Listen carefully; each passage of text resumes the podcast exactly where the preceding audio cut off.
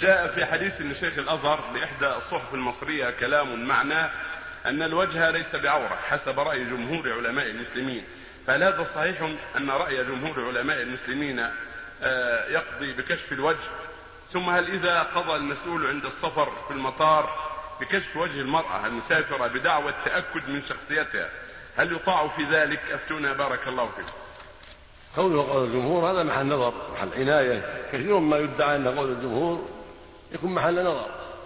وكثير من الناس يدعي أن هذا الشيء قول الجمهور وليس الأمر كذلك.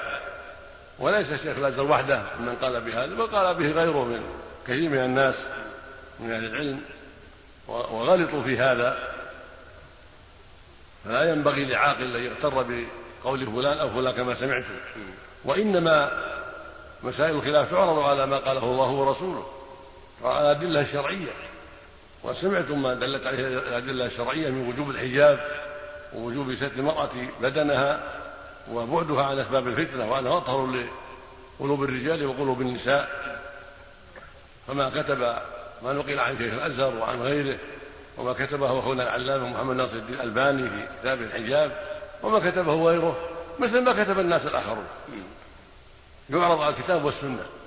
وقد عرضنا ذلك على الكتاب والسنة فوجدنا أن من قال بكشف الحجاب قد غلط ومن قال بالحجاب قد أصاب وإذا كان الذي قال بكشف الحجاب وجواز السفور قد أخلص لله وقصد الحق ولكن حمله اجتهاده على ذلك من دون تقصير ولا هوى فله أجر الاجتهاد والله يغفر له ويفوته أجر الصواب.